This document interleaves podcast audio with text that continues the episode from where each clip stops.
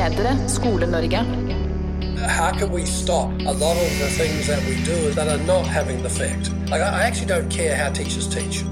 I care about the impact of their teaching. It is the case that the effect of homework in primary elementary schools is very close to zero. But If you stop at the numbers, you're stopping at the wrong thing. There is a time for precious knowledge, there's a time to have competencies, and I'm greedy. I want both. Velkommen til Et bedre Skole-Norge. I dag har vi fått med selveste dr. John Hattie, sannsynligvis en av dem som har påvirka utdanning og diskusjoner rundt utdanning fra 2009 og utover mest. Bli med oss mens vi har denne samtalen. Hello, and welcome to Et Bedre Skole-Norge podcast, where we explore the latest evidence-based teaching practices to help improve student learning. In today's episode, we're diving into visible learning, the sequel, the highly anticipated follow-up to John Hattie's groundbreaking work on what works best in education.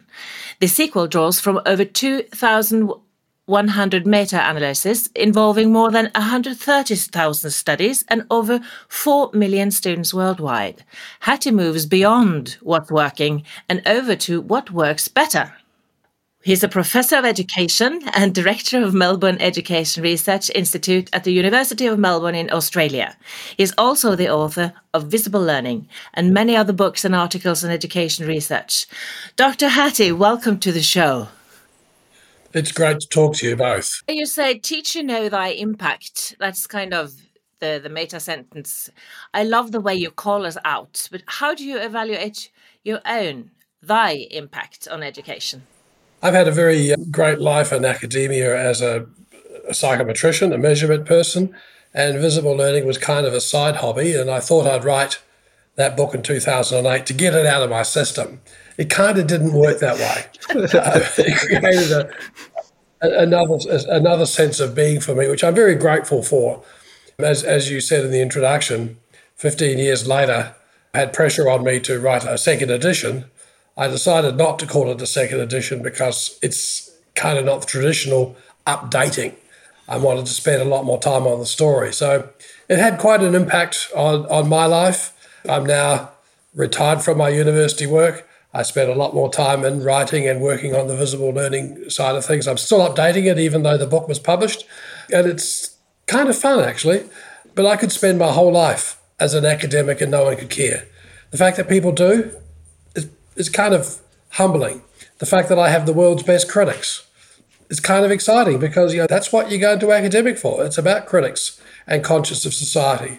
So I, I don't resolve from any of the comments I've got, and I'm happy to engage with them. Some criticism I disagree with, some I agree with, as you'll see in the sequel.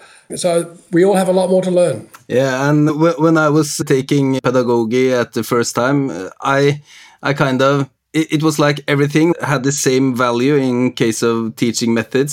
So to me, it was so great when you came with the book because then it really made sense to me that something have to work better than something else. And on that topic, you used to use a barometer, but now you use this thermometer instead. Can you please explain the concept? Yeah, look, when I finished uh, one of the versions back in 2008, my biggest critic, my wife read the book and she said, and which two people in the world did you write this for? yeah. That kind of hurt, but she was right. It was too full of numbers and, and data. And so she invented that barometer to try and give it some flow through and some consistency. For a strange reason, I've decided to drop it for this version because I've gone from 150 to 350 influences. And if I'd kept with the barometer, that's an extra 140 pages.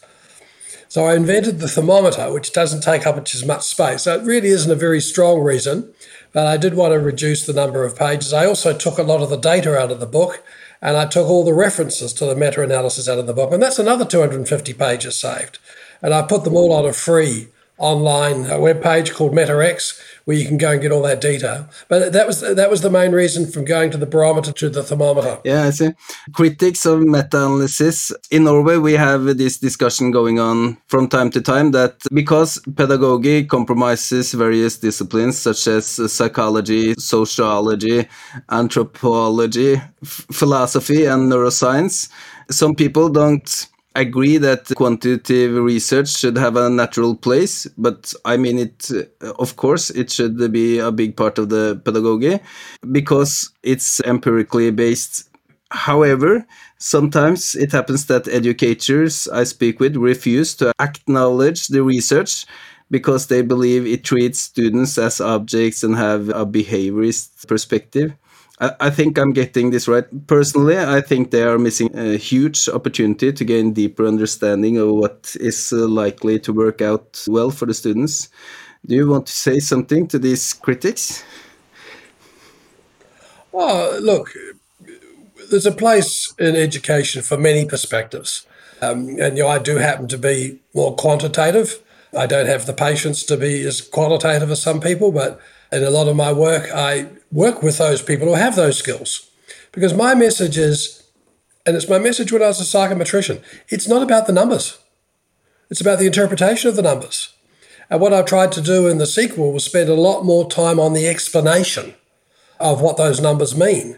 And so, yes, we haven't had a very good history with numbers in education. You know, we've done a lot of bad forms of accountability. We've got a lot of bad forms of over assessment. And so it does give it a bit of a bad name.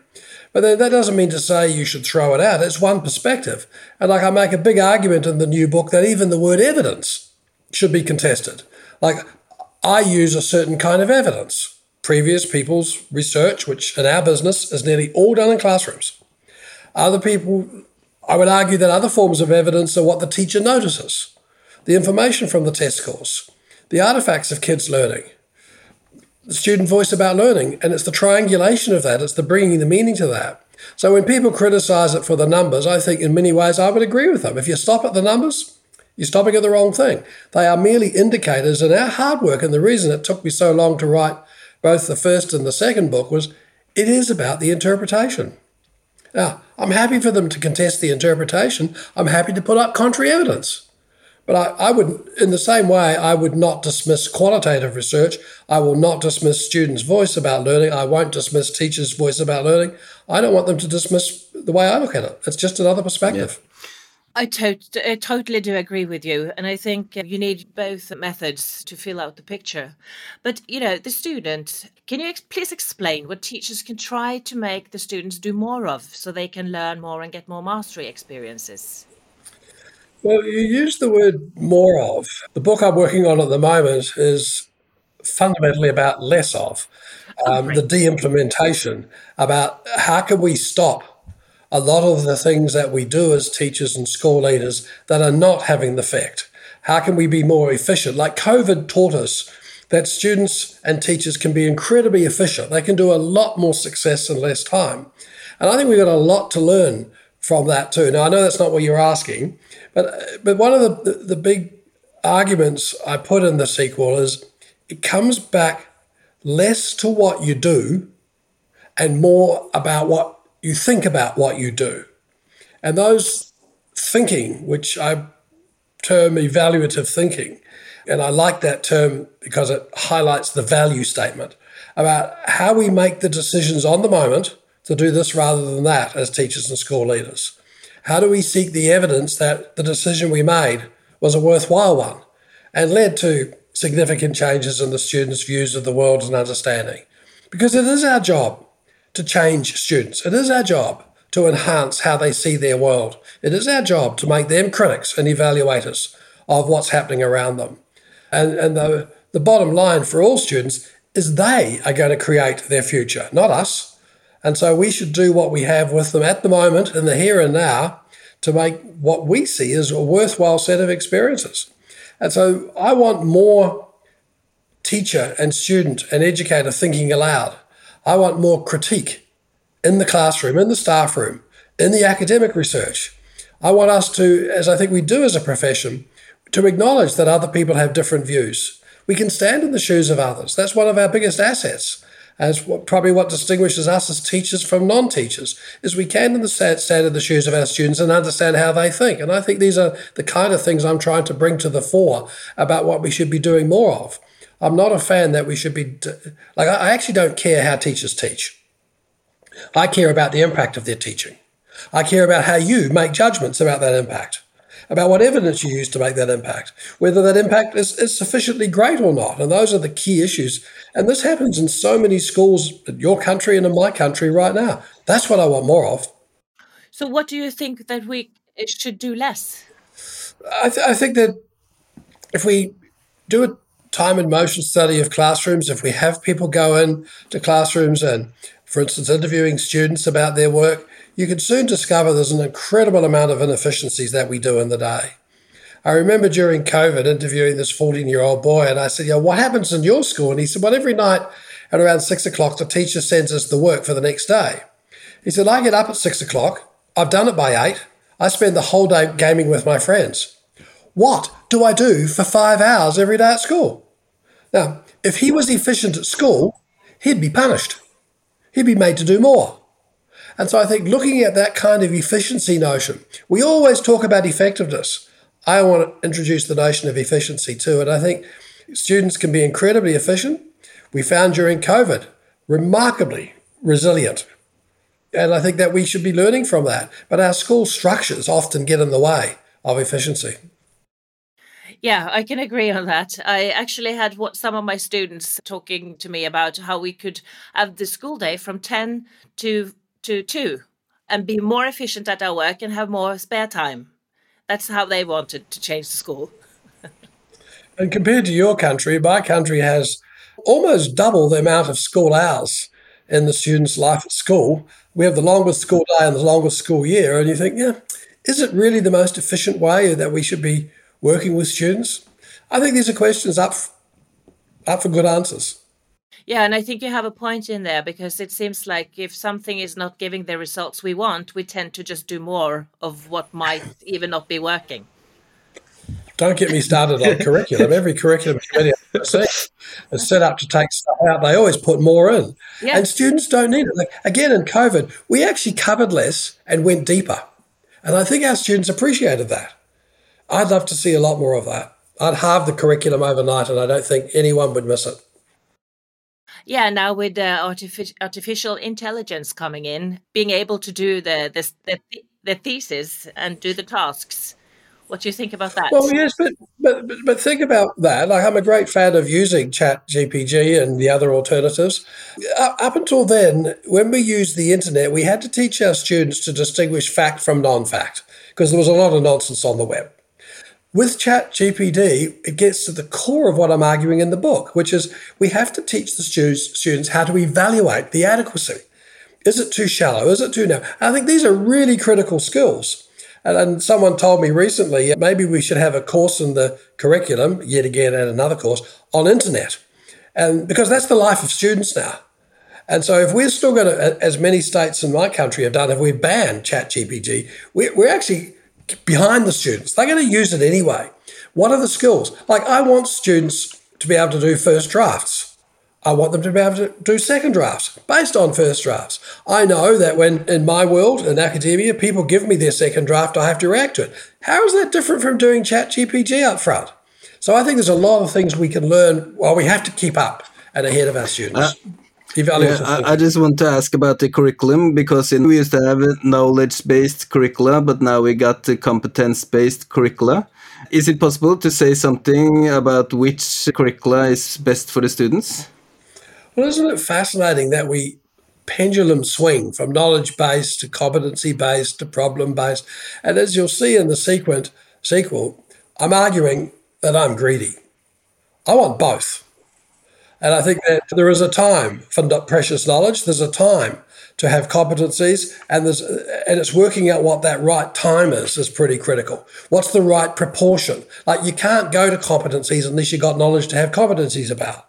So it's getting the right time. So I introduced this notion of intentional alignment to see if we could actually come up with ways to have both of those. It's like direct instruction versus problem based. I'm greedy. There's a right time for both, and there's a wrong time for both. And so the biggest problem I have with curricula is that it's age based. And that's not how knowledge progresses. If you take any group of 10 year olds, you'll probably find none of them are working at the 10 year old curriculum. And some countries in the world have abolished age based curriculum. And I think that's one of the biggest handicaps for kids. Like, we have an app, for example, we use in our work where we, at the end of a lesson, we ask the student to identify what their emotion is from the lesson. And overwhelmingly, like dramatically, the most negative emotion kids have in schools is boredom. Because the, the work is either too hard or too easy. And I think this is one of the biggest problems of curriculum. Like I'm a fan of having multiple progressions like GPS. If you're going to go from one part of Norway to another, there are multiple ways of doing that. And that's what we should be recognizing. What are different ways and different times that students can get to the desired outcomes we want? So that, that's where I certainly want to look at. And it happens in many classes now that we allow for different times and different ways. I think that's a very healthy thing to do. But I'm delighted someone cares about curriculum because it's not my favourite topic because it's just too much in there. And we know what teachers do, they pick and choose anyway. Why, won't we, why don't we spend all our resources on helping our teachers implement the curriculum? Oh, not continually changing it. I'm currently working on a master thesis with a working title Students as Colleagues. What do you think about student engagement, as in involving the students in the planning and the organization of the learning? Well, the two fundamental theses of visible learning is I want teachers to see learning through the eyes of the students, and I want students to become their own teachers.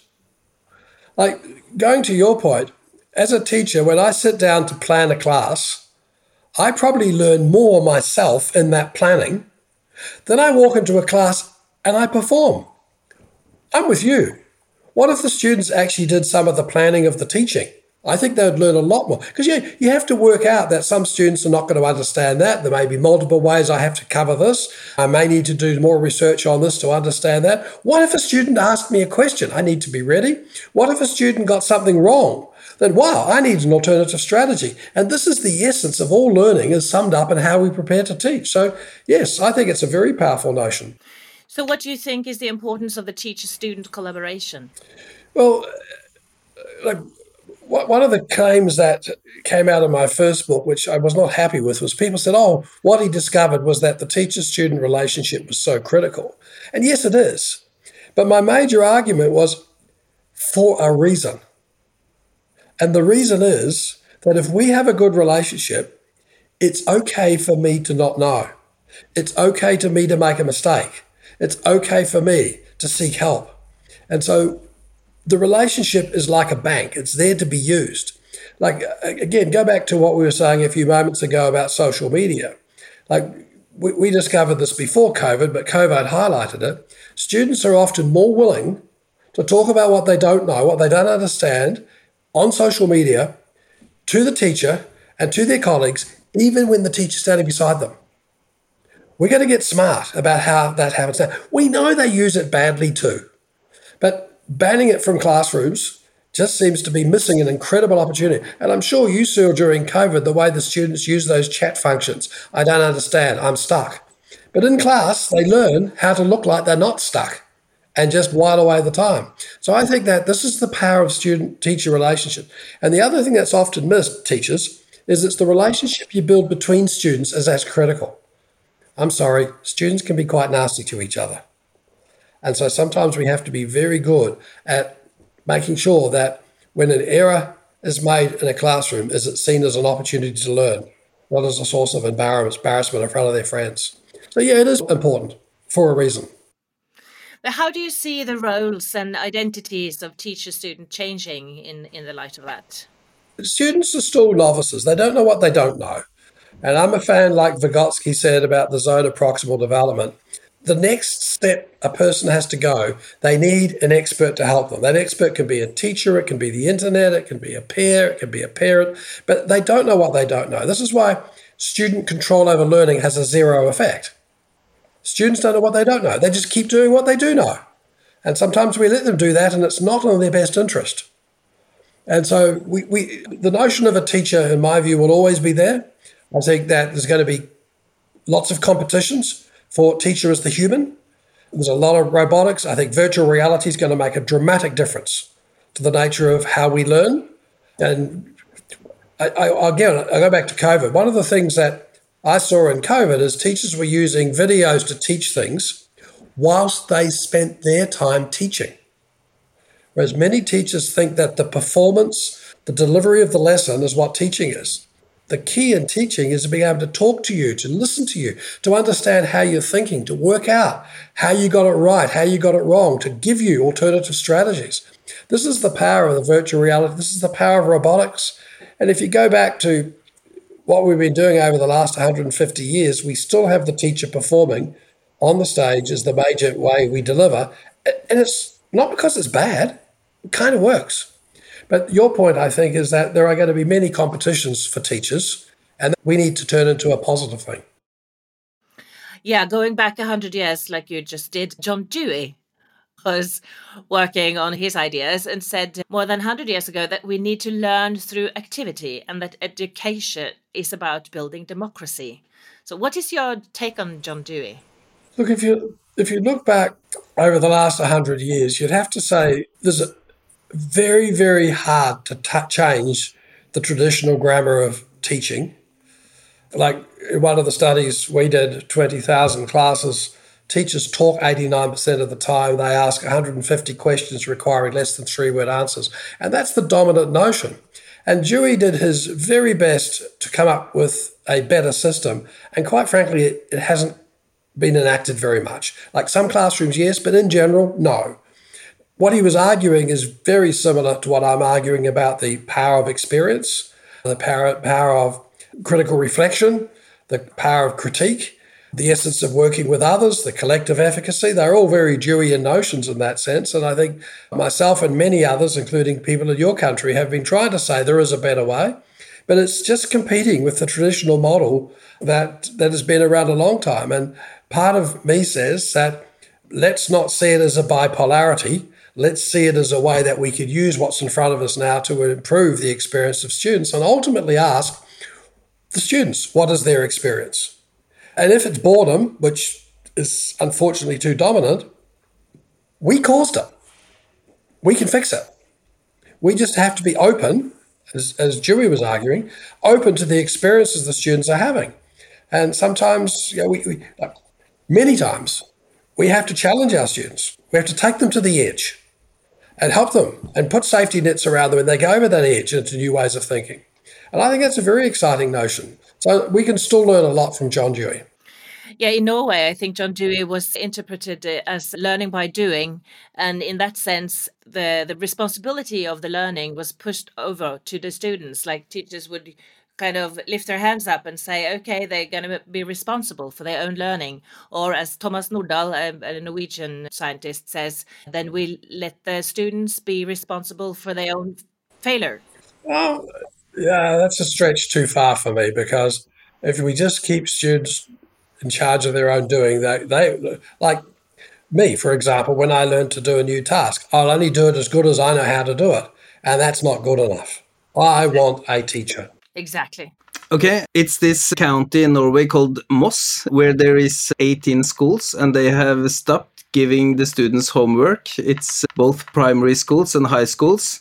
They actually use your work for reasoning, and I know one of the scientists there uh, very well. Her name is Kjersti Lien Holte, and she's she's like their their expert on the topic. One of the reasons they want to drop uh, homework was because it caused lots of trouble in the relationships between parents and kids, and because it's said to have low effectiveness. So they are trying to increase the quality of teaching instead. Can you please share some thoughts when you hear this?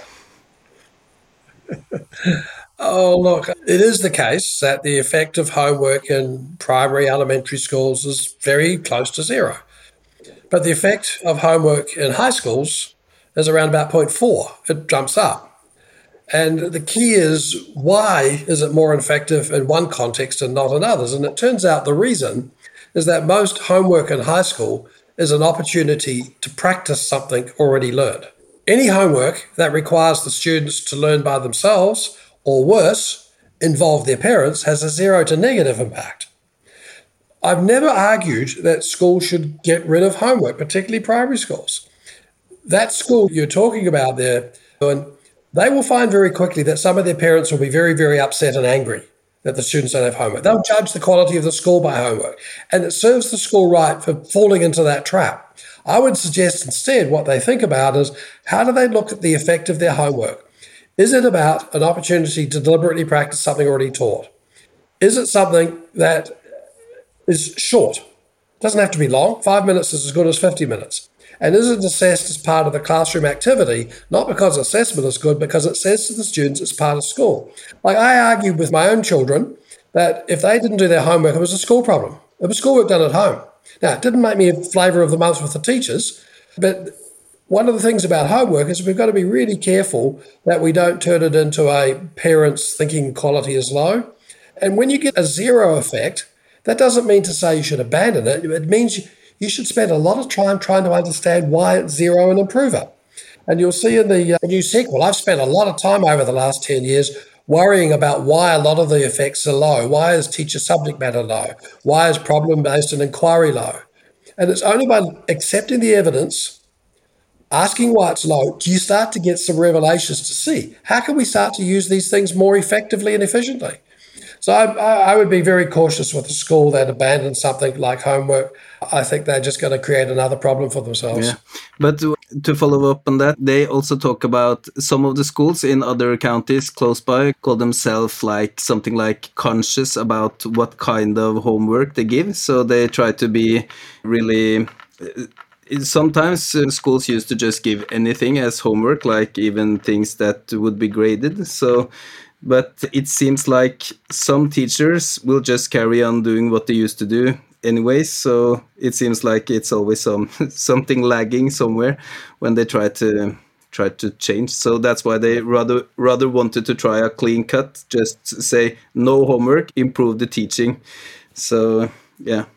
But it's i see i see your points well the teacher is very important for student learning but the variance in the school can be rather high so let's get into school leading. What do you suggest school leaders should do to close the gap? In the sequel, I spend a lot more time talking about the influence that school leaders have on the culture and climate of the school.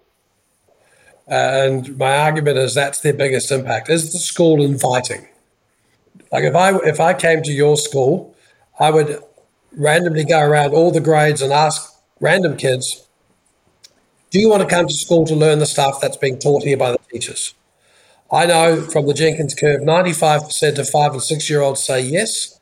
And at best, four out of 10 in upper primary and lower high school say yes. That is not very inviting.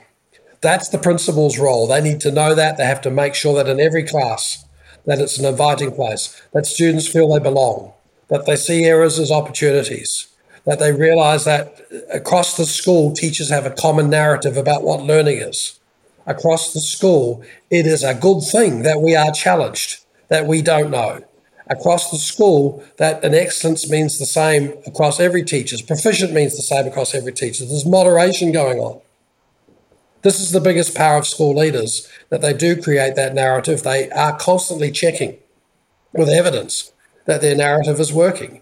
And that, when you go into schools, and I'm sure you've been in them, where this kind of narrative is present, you, you get that incredible power of that collective. The word I is never used in the staff room. It's we, they're our students. We work together on this. We're not a school of 20 or 50 independent contractors. We're a school of people that believe everybody in the school, every student can be a learner, every teacher can be a learner. And it kind of is in the water of a school. It's what is normal here. And what keeps me going is uh, as I travel the world, I see so many schools like this, and it's very exciting. Now, there can be massive resistance.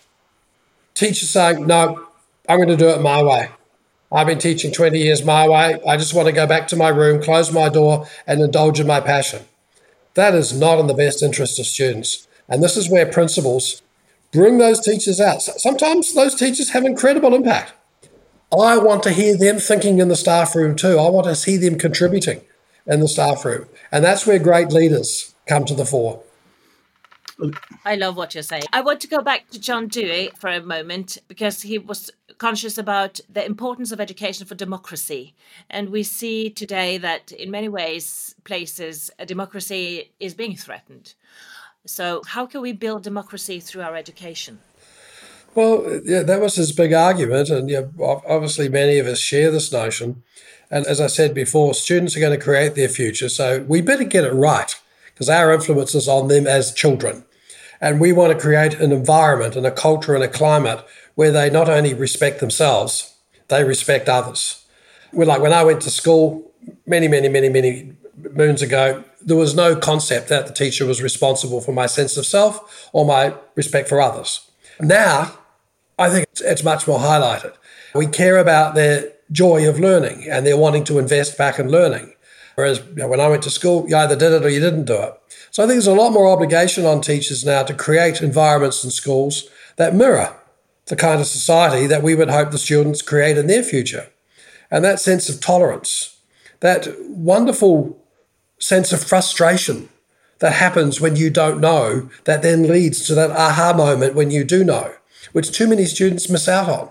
And they see work and school as a drudgery and, and, and just as a task and they don't see learning. And you know, the future of the world is going to be a function of every student being a learner. And I mean every student, not just some.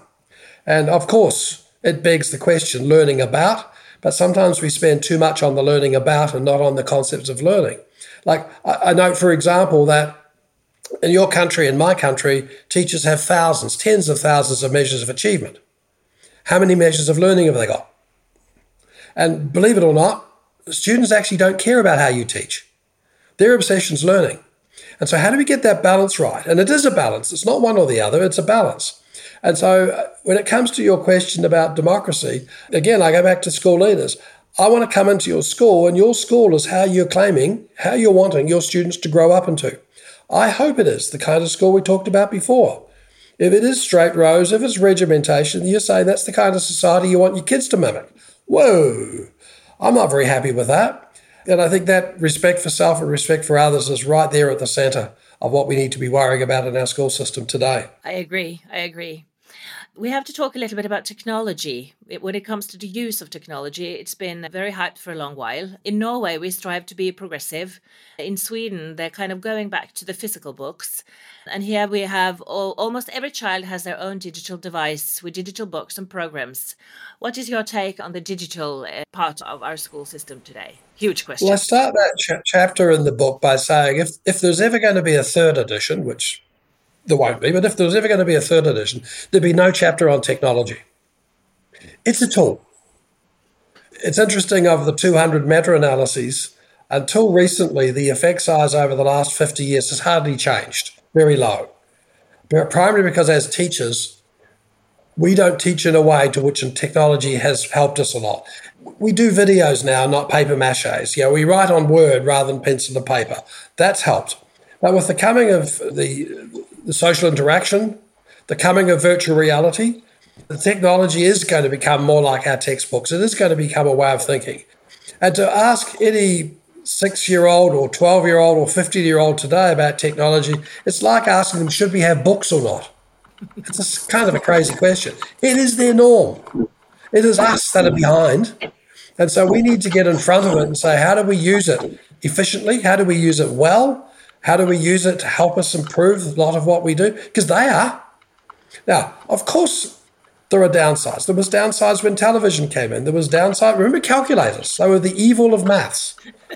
My little story is that when I went to school, we went from a pencil to a nib fountain pen because biros were going to destroy writing.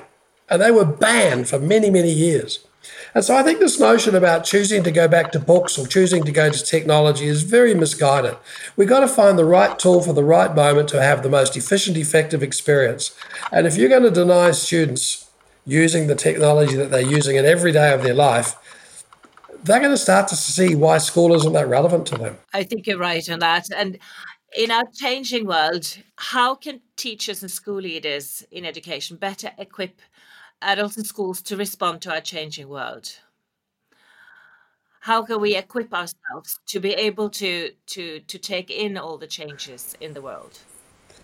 Well, it goes back to what you were saying before we were talking about Dewey, is that the typical grammar of schooling has kind of worked for 150 years. We, we know how to create discipline in a classroom. We know how to create work in a classroom. We see engagement as our kids doing the work. Sadly, in a lot of doing, there's not much learning, but that's another story.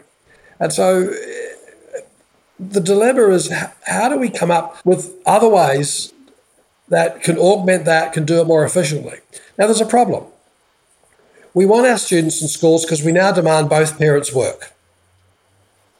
And so there is, I'm not going to call it babysitting, but there is an obligation of how we deal with our students in our life. But I want to turn it on its head and say, if you look at what the economists of education are showing, is the biggest predictor of adult health, wealth, and happiness is not achievement at school. It's the number of years of schooling. So, how do we make schooling inviting? How do we make schooling a place we want our kids to come back to? And if you take that as your philosophy, that doesn't mean to say we don't teach them the precious knowledge, we don't teach them the things now. We put the onus much more on making our classrooms inviting from age three to age five to age 10 to age 15. Because the, the minute it's not inviting, that's when you get the dropout, and that's when the cost of societies are huge. And dropout, in my view, starts happening from about age eight or nine onwards, when eight year olds realize that they don't know the answer to the question. They can't put their hand up. They don't know, do, they don't know what to do when they don't know what to do. That's the start of dropout. As an adult, I'm sure about you and I know about me. There are many times when I don't know what to do. I know how to seek help. There are many times when I get frustrated and can't work out an answer. I know how to vent and then move on. And so I think these are the kind of skills and you know, how we interact with others, how we do searching, how we do that evaluation of whether it's worthwhile or not. I think these are the core things that we should be focusing on in all our learning, particularly in our assessment of how we get students to evaluate the quality. Like giving students a, a problem with a worked out with a wrong answer and say, how did the student get the wrong answer? It's an incredibly powerful way to hear how kids think and process their problems. This is what I want to bring back into the classroom. Thinking aloud, problem using a lot of problem methods, creating aha moments where they make relationships between ideas. I think this is how we're going to turn students on to keeping in this business called schooling. The hardest thing we're going to do is how to make it more efficient. And you know, COVID, every teacher in the world knows how to use technology now. And if you look at the technology in schools today compared to pre COVID, it's in your face, it's all over the place. I worry that we didn't learn enough from COVID and we're slipping back. And so I hope there is a lot of move that we could actually find ways to come up with ways for students to be a lot more effective. And going back to your point earlier, like using the technology to teach back to other students, to parents, to teachers about what they're learning. Very, very powerful. I just want to say that it's it's some Norwegian scientists that's also found the same result in Norway about happiness. But um, yeah, Markussen uh, og Daus fant det. They followed 10,000 students over 14 years, and they found the same thing that it's the amount of years in the system. On our school, we focus on uh, achievement and, of course, uh, making the students learn as much as possible, but we focus more on making all students pass and get through the system. That sounded maybe not as good as I wanted it to sound, but we are uh, kind of uh, making all the students graduate, I, I would say, like very close at least. When I was living in New Zealand in the early 2000s, the government abolished the kind of system you have on Norway, particularly at upper high school. They abolished the final exams, they abolished seeing schools as selection places for university, and they introduced this notion of saying that there are multiple ways of being excellent. Now, they introduced a model, initially, it was awful, terrible. They fixed it up very, very quickly. And what happens, for instance, if it's saying if you're doing a course on panel beating, if you're doing a course on business, you can be excellent, highly achieved merit. And an excellence in, in running a business school or being a panel beater is the same as being excellence in chemistry and history. Now, some of the teachers got very upset with that. But the biggest, the biggest impact it had is it, it meant that typically 80% of the students who started high school finished high school. Within three years, it went up to 92%. Improving the quality of history and mathematics in your exam is not going to change one iota those students that we want to make upper high school very much more attractive.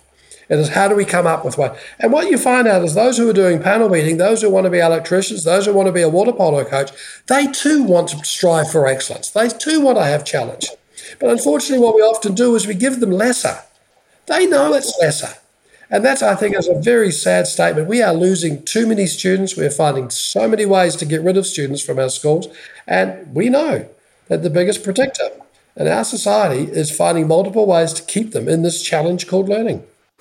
Mm, I want to ask you about because when you talk about what's working best in education, to me, maybe i'm just adding stuff but to me it sounds like if the teacher have very good values then it automatically will set high expectations for the kids. So to me it sounds like i, I got this notion that the values of the teacher is very important. Could you say something about that? Tell me a bit more about what you mean by values. Like uh, like uh, Kjersti's old principal it was a guy called Per Solli. He used to work as a special what do you call it a special teacher like he, he wanted to make every student learn. So when he became a principal he was that kind of guy that always was looking for solutions for all the students to to learn the best way both the high achieving and the low achieving. And what happened was that the school turned from being the one of the worst schools in Oslo to one of the best schools now. So because he was always listening to the students, taking them seriously, doing all this uh, kind of obvious. Uh, like he, he was loyal to the students and not to the politicians or to the teaching staff at the school. That's the way I would put it, because he had these values that it was this saying that the students we have is the best students we can have no matter if the group changes it's always the best students so and they actually meant it lots of schools say it but they were practicing it. So to me, it seems like he often doesn't want to listen to research and stuff. but it, to me, having high expectations, as you say, what you think about the students, that will impact how you act on it. I heard something like if uh, a teacher in a 45 minute session will have about 400 different what do you call it? Like they will act on uh, different stuff 400 times and if you ask the teacher afterwards it will just remember like three or four of them. But if you have all these values first then you will automatically take good choices like when you get into the situations when you articulate it that way, that the values are about you know, high expectations, and you know, the what I'm hearing you is that that teacher wants to understand and stand in the shoes of the students to help to improve them. You know, that's coming to the close to the concept of evaluative thinking. And you know, my, my wife, who's a, a, an evaluator, she's a professor of evaluation here, she says that person's nosy. And I think it's an incredibly desirable attribute. And you're making out that that particular teacher you're talking about is very nosy. They want to understand what's going on, what's they doing right, what they're doing wrong. I want to put that in contrast, though, with the best teacher I ever had was my final year maths teacher, Mr. Tomlinson. He was unbelievably strict, very, very rigorous about ran his classroom. And he cared that every single one of us was going to be successful at learning maths, regardless of who we are, regardless of what our background was. And he treated us at times like robots. Not quite, that's unfair, but our personalities weren't that critical. What was critical is that we understood mathematics and mathematical thinking. And he gave up on none of us. And the fact that he didn't give up on person X, who wasn't as good as I was, and person Y, that was a lot better than I was, gave me confidence he wasn't going to give up on me. So as long as we're saying that if the values are high expectations, nosiness, they're greedy, they want all of us to be successful, then absolutely yes. And, and the reason I, I love the notion of evaluative thinking is exactly what you said. It highlights the word value. So, what are your core values in education? I want every student to become a successful learner I want every student, no matter where they start, no matter what their background, no matter what their prior achievement, I want them to gain at least a year's growth for a year's input. I want every student to want to have a passion for learning about various topics, but I want that passion. I want to give them the strategies and the skills to know what to do when they don't know what to do. I want them to know how to, particularly in today's world, I want them to know how to work with others sometimes with others that we don't like, some with others that are better and not so good as us. One of the things that comes out very strongly in the sequel is the incredible negative influence of labeling students. And uh, I also make a very strong argument through the book that tracking and streaming and dividing kids up, no child is a winner. And in our world that we all work in today, we work with incredible diversity. That's what should be happening in the classroom too. And I know tracking and streaming and all that, teachers love it.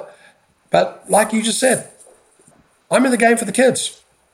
We have to find the best way to help them. And the one thing you, you didn't say in your comment before is so often systems, because it's the adults that vote, are focused on the parents. For some kids, school is the safe haven. It needs to be the safe haven for every kid. And in our safe havens, we measure results. You know, uh, when we come when it comes to numbers and figures, we, we measure results. However, there's a lot of important learning in our safe havens and ed- education that is difficult to measure, like empathy, responsibility, independency, solution thinking. How how do you cover this in, in your research? Well, I go back to my greedy statement. I don't understand what schools would look like if we didn't have achievement. I want high achievement. You get high achievement by creating high trust environments with high expectations. You get high achievement by teaching the students the strategies of learning. And through strategies of learning, you get to progress to achievement. That's a, that's a mouthful. That's a lot. I want all of it. The trouble with starting with achievement and saying we want high achievement only is we privilege those that come already above average. We privilege those schools where the students start above average. And in many schools, they cruise. They don't get a year's growth. Equity, to me, has got nothing to do with groups. It's to do with every child deserves at least a year's growth for his input. Some students have to have two or three years' growth for a year's input. I know how to measure that. I know that that's related to the curriculum. I know that in the work we do in the schools that we work with, we can achieve this. And I think that's the kind of environment. I, am kind of with you. I want those things you talked about, but I make no bones that I also want through progress to achievement. And I want to see every child, no matter where they start, having that sense of progress, enjoying this game called learning, and seeing their progress towards higher achievement, no matter where they start.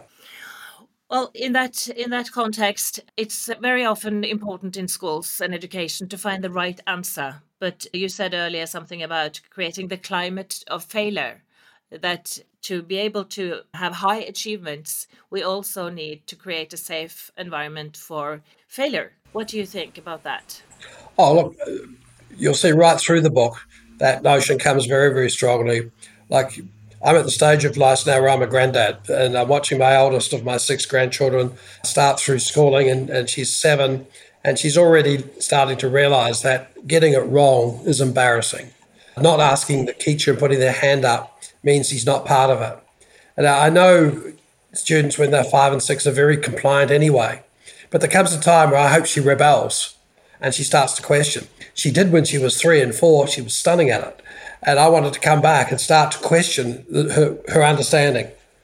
And I hope that she's in a safe environment where she's able to do that, where she say, "Hey, I don't understand what's going on here," or "Help me see the world through another way of doing things."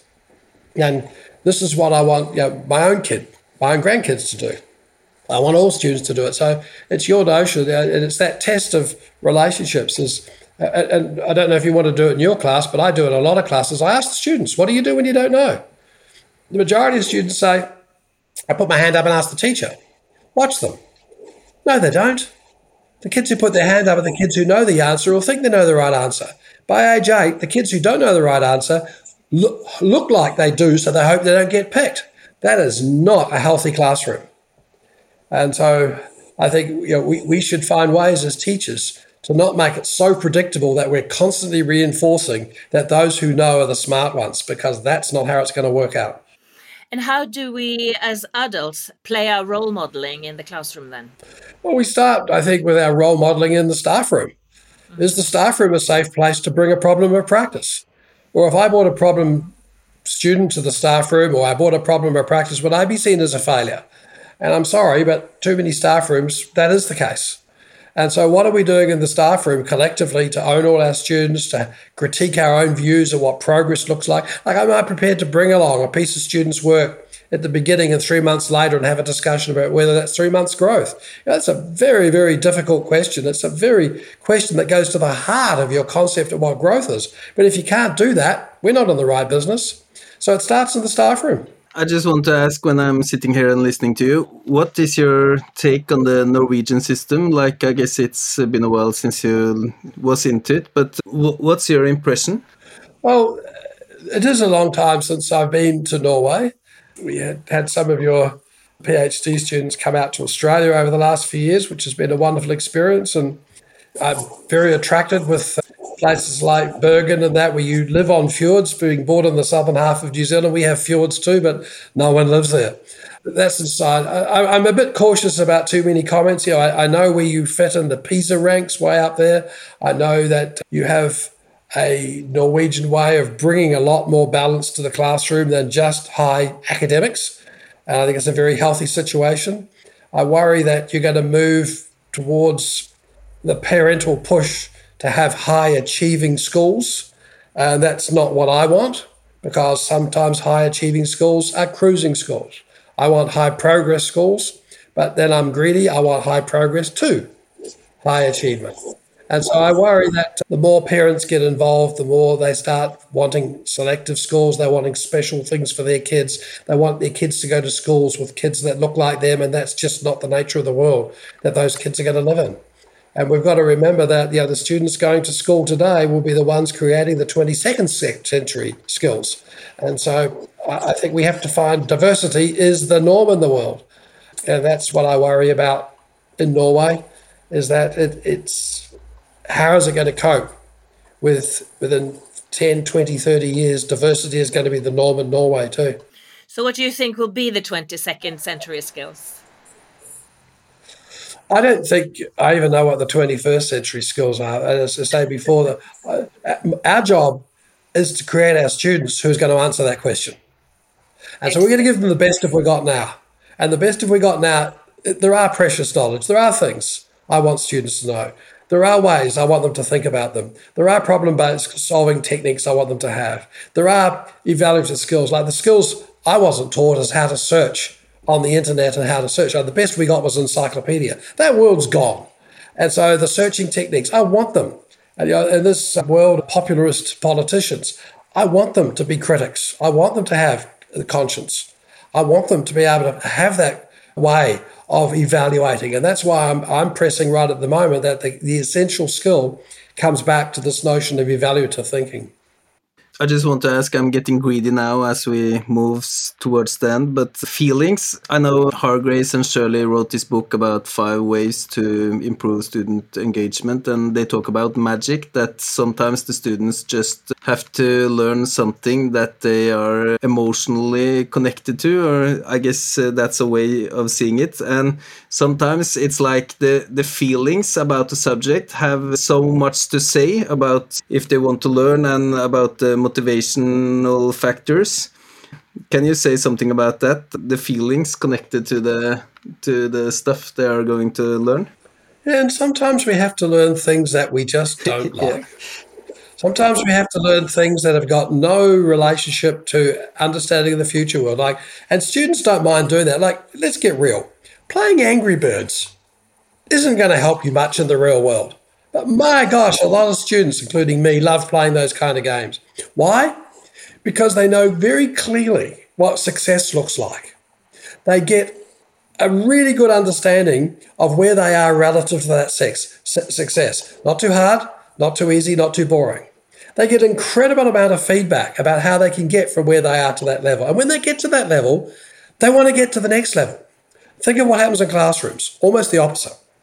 We give them tasks to do, 40 to 50% of everything taught in every classroom the students know already. The problem is too easy. No wonder it's boring. For some students, the work's too hard. So, what's the point of it going into it? And then we, we value students because of what they do. They're doing the work. But the kids want to be successful when they achieve the work. And what do we do when the kids get to the success criteria? We ask them to hand it in. We put a number on it and we tell them the work's over. Those students want to thrive by taking on challenging tasks, by being at the end. They want to get feedback about how they're going and where they're going. And they particularly want to get feedback about how to improve. This is what I want to put students in the essence of, of learning about. And so I, I like I've read Andy's book on engagement, a lot of good stuff in there, but I just take the notion that sometimes learning is hard work. Sometimes I just have to sit down and knuckle down and work it out. I have to really put in, a, it's a struggle. And I want hard work and struggle to be desirable attributes. I also take the very strong uh, notion of engagement as it's moving from withdrawing through disruption, through avoiding, to participating, to investing into striving and driving. And I want students to drive their learning. And it goes back right to what you said in the early part of this conversation. Five year olds can be their own teachers. Why can't 10 and 15 year olds be their own teachers? Yeah. Great. It's been such a pleasure to, to, to talk to you, John. We could go on for hours, I think, because there are topics here that is going to last forever. If we kind of sum it up, I think that some of the things that you have been emphasizing is that we need to pay attention to our efficiency, how we work around boredom for our students, how we create an environment, an inviting learning environment that mirrors the society we want to create, how we see the learning through the students' eyes, and that we should be nosy and greedy and go for high achievement. Does that kind of sum it up for you? Yes, I think you've done a great job, and I really hope you enjoy the new sequel. Yeah, we will. Jeg har sittet litt på nåle, for det virker som Mac-en min lager noen rare lyder, og det virker som den holder på å ta fyr, så så hot er vel dette opplegget her. Tusen takk for at du hørte på. Eh, hør alle de andre episodene. Tusen takk. Ha det. Et bedre Skole-Norge.